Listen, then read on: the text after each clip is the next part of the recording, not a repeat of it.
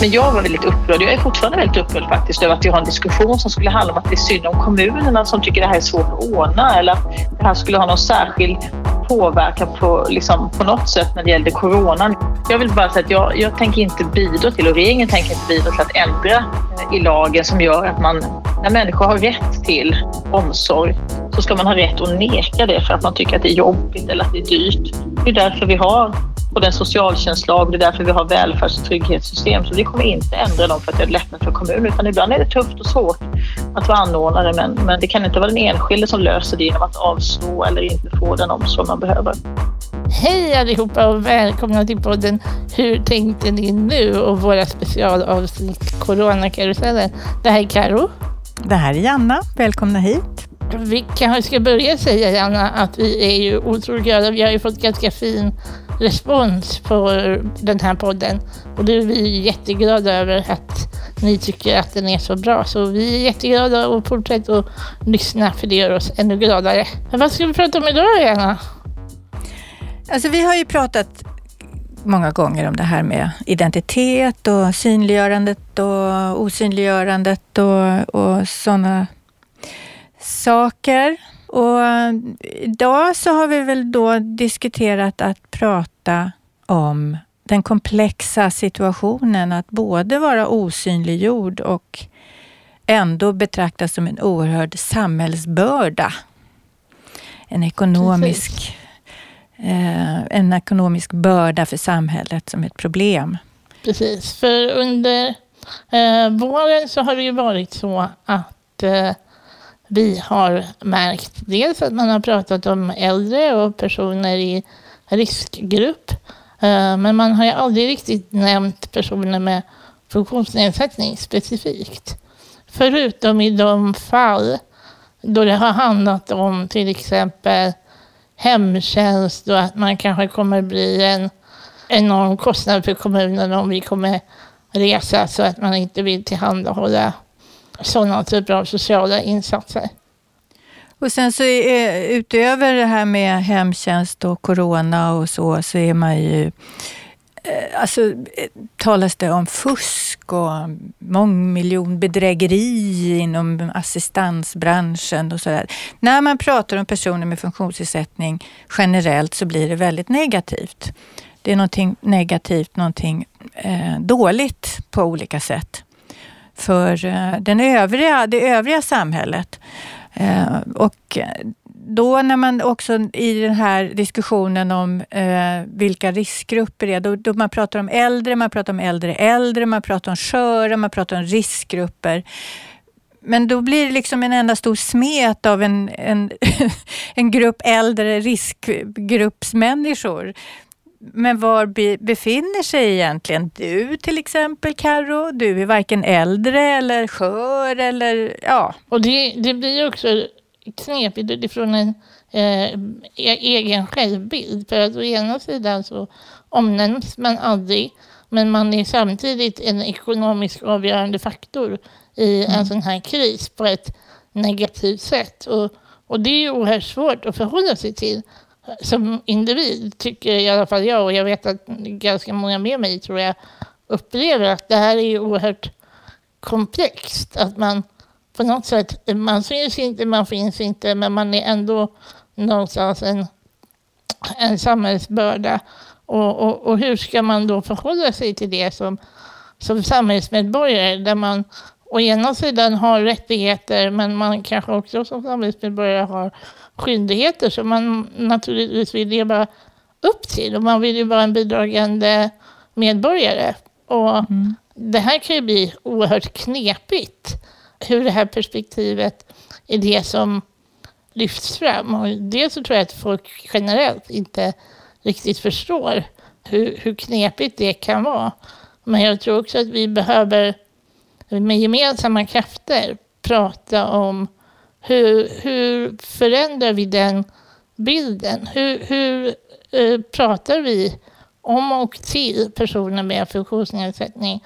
Och vad får det för effekter, sättet vi pratar om och på? Och en som vi skulle då tänka oss kunde vara liksom en, en makthavare som kan vara med och påverka synen och bilden om detta är vår socialminister Lena Hallengren. Hallå! Hej! Hej! Hej! Hur tänker du kring det?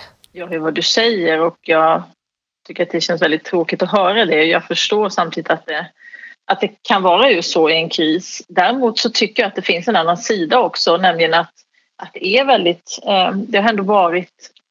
Det kanske har ändrat sig, men i början av krisen så var det ett väldigt stort fokus på, på riskgrupper, att skydda riskgrupper, att verkligen fanns ett samhälleligt eh, väldigt stort engagemang eller vad ska jag säga, en väldigt stark vilja att, att vilja vara med och bidra till att, att grupper som var större risk, särskilt utsatta, verkligen skulle få hjälp, skulle få stöd. Det där skulle man ju förstås vilja hålla i på ett helt annat sätt. Eh, men jag tycker att det fanns liksom en, en sån del i början av krisen.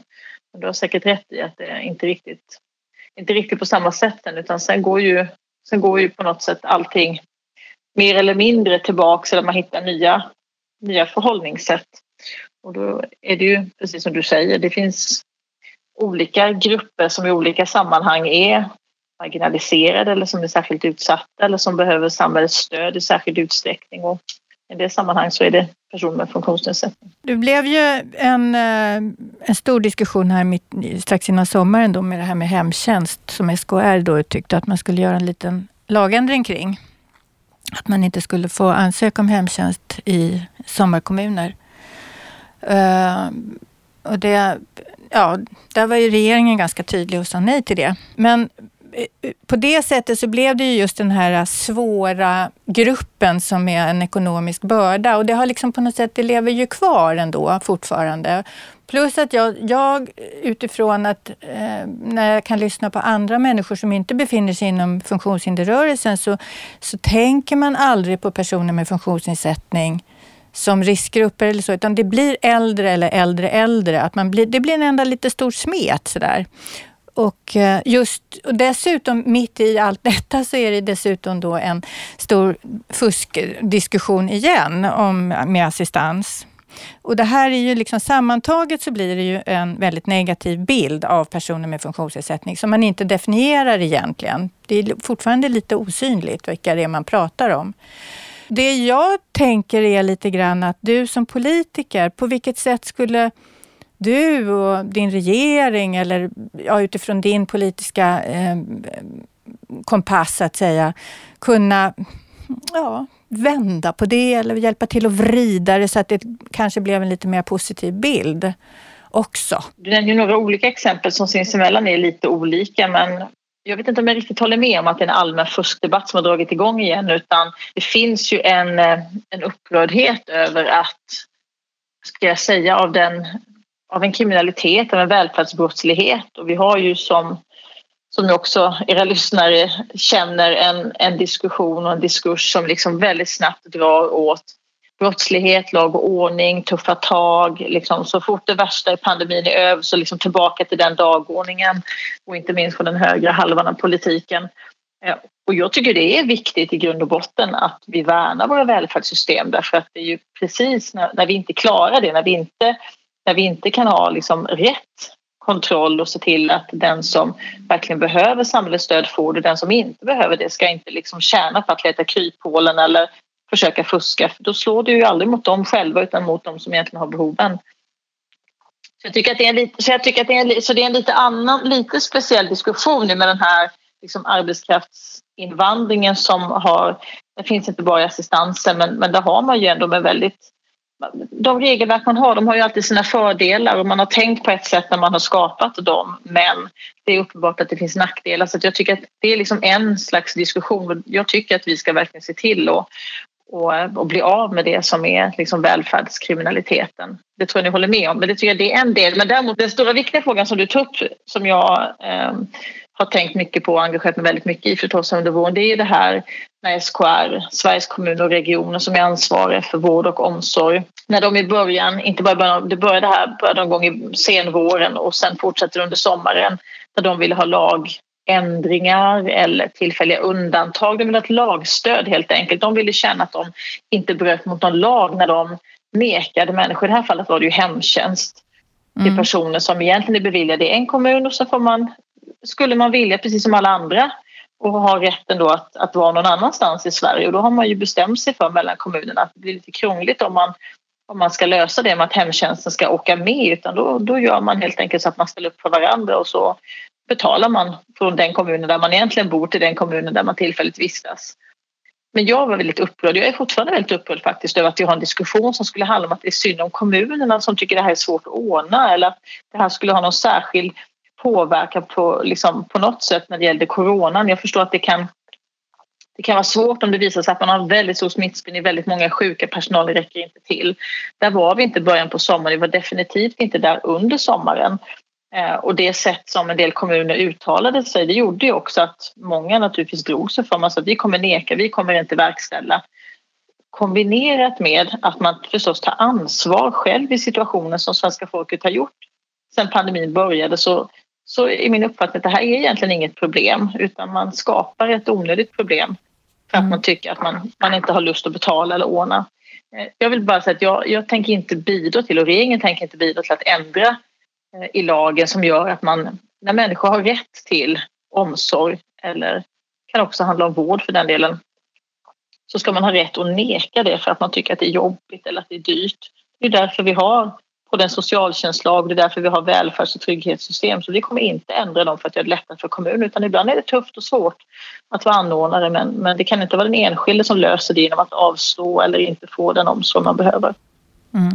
För vi, vi pratade om det i ett annat avsnitt just det här också om eh, att vi som personer som lever med funktionsnedsättning är ju, vi är ju vana vid våra begränsningar och att kunna hantera dem. Och vi gör ju självklart, precis som alla medborgare, vårt yttersta för att ta ansvar i den situationen. Att inte heller utsätta oss för risker. Jag menar, jag tänker, man vill ju inte åka någonstans där man inte är säker på att man får, får den omsorg man behöver eller inte kan få vård. Utan man, man vill ju gärna se till att man minimerar sina egna risker. Så den oron som frambringades kändes ju också väldigt onödigt påtaglig när, när, när, när vi är. För att många runt omkring vill ju gärna liksom definiera oss som lever med funktionsnedsättning som både väldigt sköra men också inte medvetna om vilket sammanhang vi, vi koexisterar med andra. Och, och, det kan ju ibland bli en lite orättvis bild, för vi har ju oftast väldigt, väldigt bra koll på våra begränsningar och vad vi har för möjligheter och, och hinder i vår vardag så att säga. Men det är min bild också, därför tycker jag att det är väldigt olyckligt. Det här var ett exempel, det finns flera sådana där kommuner eh, vill ha möjlighet, eller jag förstår att de tycker det är svårt, men vi kan inte välja den vägen därför att det är också så att även om vi skulle tycka att det här blir väldigt svårt, ni behöver inte verkställa de här besluten, ni behöver inte ge en omsorg just under sommaren eller den här tuffa tiden, så tror jag att man liksom ändrar i på något sätt i medvetandet och i, i praxis och i... Det är lätt att säga att man ska tillbaka till det som var innan men jag tror det är väldigt stor risk att den typen av begränsningar och möjlighet att säga nej och, och eh, helt enkelt inte i alla samma möjligheter liksom till i det här fallet då, att kunna resa i landet till exempel även om man har funktionsnedsättning och man kan behöva ett stöd eller äldre som kan behöva hemtjänst. Så jag tror att det är farligt liksom, även om jag tror att alla förstår att det har varit en svår tid och alla har också tagit ansvar. Det är också därför vi har klarat det. Det behövdes inte en lagändring skulle jag vilja påstå. Och, och det som är ännu mer intressant är att vi, vi alla gick väl omkring och hoppades på att det här skulle bli kortvarigt och att vi någonstans skulle kunna återgå till det så kallade normala. Men eh, det verkar ju som att det kanske kommer dra ut på tiden och att vårt nya så att säga normala kommer få bli någonting annat. Hur tänker du kring det? Nej, men jag tänker att det kanske nu börjar gå upp för eh, de allra flesta i, i Sverige och andra länder att det här är långvarigt. Vi har ju hela tiden sagt från regeringens sida och från, från myndigheternas sida att det här, är, det här kommer ta tid. Vi måste ha åtgärder som vi kan hålla i över tid. Vi kan inte ha någon lockdown i någon månad eller två, stänga in människor och tro att vi blir av med viruset för det kommer finnas i våra samhällen under lång tid framöver. Och många nickade då, men jag tror att det här med vad lång tid var hade nog inte alla samma uppfattning om utan En del kände nog att det med lång tid, det måste ju kanske hända till sommaren. Tänk om det till och med efter sommaren. Nu säger vi att det är säkert ett år eller två eller fler till. I det sammanhanget är vi väl allihopa som barn. Vi är väl som barn ja, allihopa. Man, man brukar försöka få tid. Man hör, väldigt... men man vill ändå inte. Ja, precis, man gör sin egen tolkning som är den bästa ja. tänkbara. Liksom. Som jag sa till min son, det är ungefär en bolibompa. ja, typ. ja. Vi har ju pratat en del om, eh, med andra människor i den här podden om det här med vikten av ett empatiskt samhälle för inkludering. Och om, och, och I början av den första delen i den här serien så pratade vi med Birgitta Andersson som tidigare, hon, för länge, länge sedan var ordförande i DHR. Och hon pratade om det här med att kommer man komma ihåg hur det kändes för alla, att alla kommer ihåg hur det kändes att ha det som jag. Det vill säga att man är begränsad i sin rörelsefrihet och sådana saker. Och det där är någonting som är ganska intressant tycker jag. Kommer det här minnet av den här krisen finnas kvar? Kommer vi behålla det? Kommer vi kunna skapa samhället med den utgångspunkten, med det här minnet i behåll? Jag tror ju att samhället kommer liksom förändras, men jag har väldigt svårt att liksom säga och sia kanske man ska säga, säga om vad, vad, skulle det kunna vara? För det är klart att digitalisering och kanske avstånd, mindre av resande, en del saker kommer bra för klimatet helt enkelt. Att vi, att vi tänker oss för när vi när vi reser, när vi flyger och så vidare. Men, ja, men förhoppningsvis så, så är det klart, det kan inte gå obemärkt förbi. Eh, det här halvåret går inte någon obemärkt förbi och inte liksom ytterligare ett år, ett och ett halvt. Det kommer man naturligtvis att känna men väldigt svårt att säga. Vi får väl se till att vi använder tillfället också. Man får liksom påminna om, för så är det många gånger, det är inte säkert att alla kommer ihåg det. Men när man för det på tal, när man liksom diskuterar, när man påminner, ja, men då, då delar vi liksom en gemensam erfarenhet. Inte bara att någon säger tänk om det skulle vara så här. Ja, jag förstår inte alls vad du menar kan man säga. Utan om man, vi får väl ta tillfället att verkligen påminna om hur annorlunda det kan vara, hur det känns när, liksom när rörelsefriheten, eh, möjligheten att bara göra det som faller en in när den blir begränsad. Man får använda sig av, av de minnena.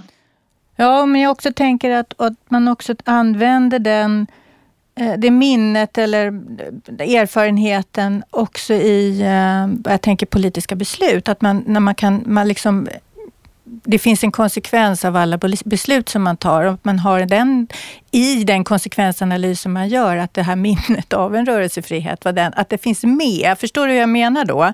Att, mm. eh, att man, att man liksom tar in det i en eh, analys också. Jag vet inte riktigt hur det rent konkret och praktiskt skulle gå till, men, men jag, hur ska vi komma ihåg det? Det är egentligen det som är den intressanta frågan, tänker jag. Hur det ska bevaras. Vi kan prata om spanska sjukan och vi kan prata om epidemier förr i världen på medeltiden och sådär, men vi har inga minnen kvar av det. Utan vi har bara berättelser. Vi har berättelser om det. Men finns det kvar? Kan man, kan man liksom befästa ett minne i någonting, i ett politiskt beslut eller i sättet att diskutera? Eller, ja. Det är ganska intressant. Det är ju ingenting som jag förväntar mig att du ska ha klara nej, svar på. Men, men, jag, det... nej, men jag, jag, är helt säker på att jag menar, man kan ju använda tillfället och det är så där gör man ju ofta. Både i politiken och andra sammanhang att man försöker liksom dra sig till minnes, man påminner om, man, man gör sitt bästa för att det man själv tycker är viktigt och angeläget, det vill man ju att människor ska komma ihåg och dra slutsatser av. Och, men allt ifrån hur ojämställt samhället var, så ska vi inte ha det, vi måste ta ytterligare steg. Och, och det är många sådana saker. Det är, som du säger, det är inte bara spanska sjukan som var länge sedan. Många orättvisor och på olika sätt ojämlikheter kan vi ju tycka ibland att de, ja, men vi har redan fixat det där. Det är väl en påminnelse om att det finns fortfarande väldigt stora utmaningar som, mm men vi, vi får hjälpas åt med det. Jag tror att det, det kommer vara olika personer, organisationer, företrädare som, som tar det liksom på, på olika stort allvar eller kommer ta den rollen liksom olika starkt. Så att, eh, I uppdraget med, liksom hela, med hela universella utfrågningen så klart att det här är ett intressant gemensamt kollektivt minne. Mm, visst är det.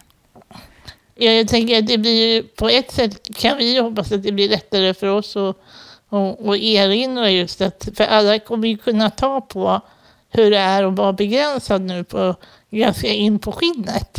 Eh, som någonting som vi som lever med funktionsnedsättning tar ganska mycket för givet. Det är en del av vårt DNA. Man, man föds och får lära sig ganska tidigt att nej, det här kommer inte du kunna vara med på, det här kommer inte du kunna vara inkluderad i. Och det, det kanske finns en mer förståelse för att det, det, är, en, eh, det är en ojämlikhet.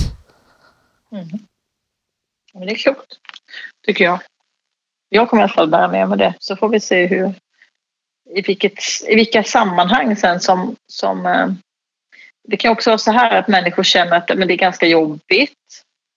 Och det jobbiga minnen, det är bättre, roligare att dra sig till, liksom, till minnes sånt som, som är positivt än att kan vara lättare att vilja slå ifrån sig sånt som, som är, som har varit jobbigt. Så att man behöver hitta sätt att både att påminna om det men att också kanske dra slutsatser, att man kan använda det liksom i en i en positiv riktning, att liksom få förändring. Vad glad vi är för att du tog dig tid att vara med oss en stund. Eh, ja. Tack så hemskt mycket för att du ville vara med. Jättekul. Tack själva för, för att ni sliter på så får vi hjälpas åt framöver också. Ja. Tack ska du ha Lena. Mm. Jag, jag tänker att det finns ju någonting för oss här att också mm. ta, ta vidare. Jag tror att vi inom rörelsen och vi själva på det här och vi som individer måste ju hjälpas åt och ta, ta ansvar för att hitta dels eh, som alltid sätt att koexistera men att framförallt ta fram det här minnet och att mm. visa på att det här är liksom inget utanförskap som är specifikt för mig för att jag lever med en funktionsnedsättning. Det här utanförskapet som jag kanske upplever mer till vardags och mer kontinuerligt kan faktiskt drabba vem som helst. Och, och det är ingen kul sits att befinna sig i och det är väldigt svårt att vara en jämlik samhällsmedborgare när de barriärerna finns.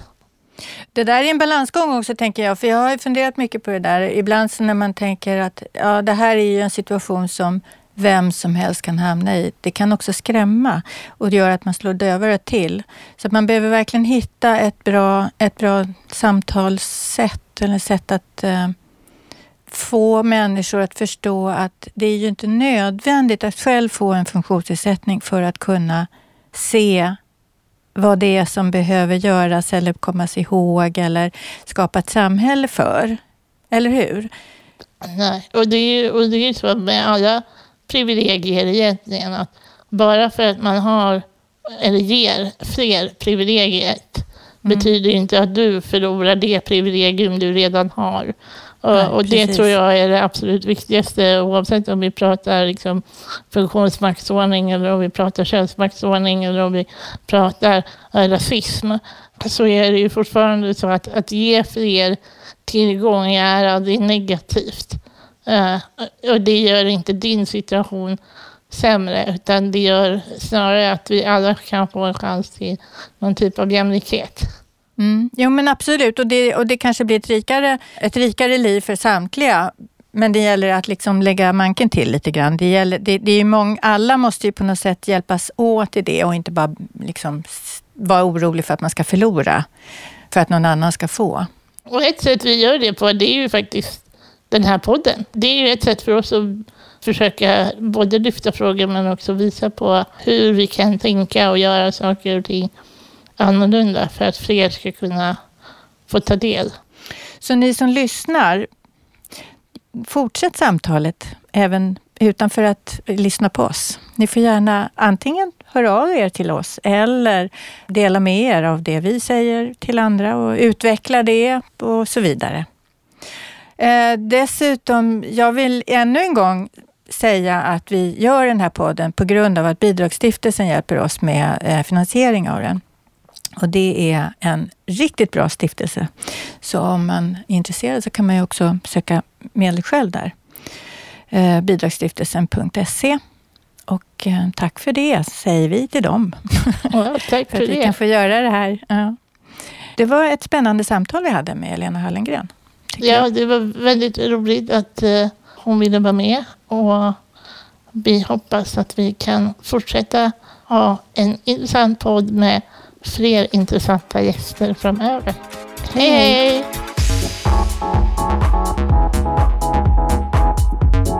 Hur tänkte ni nu? är en podd från DHR. Ansvarig utgivare Janna Olsson. Hur tänkte ni nu produceras av Filt Hinterland för DHR.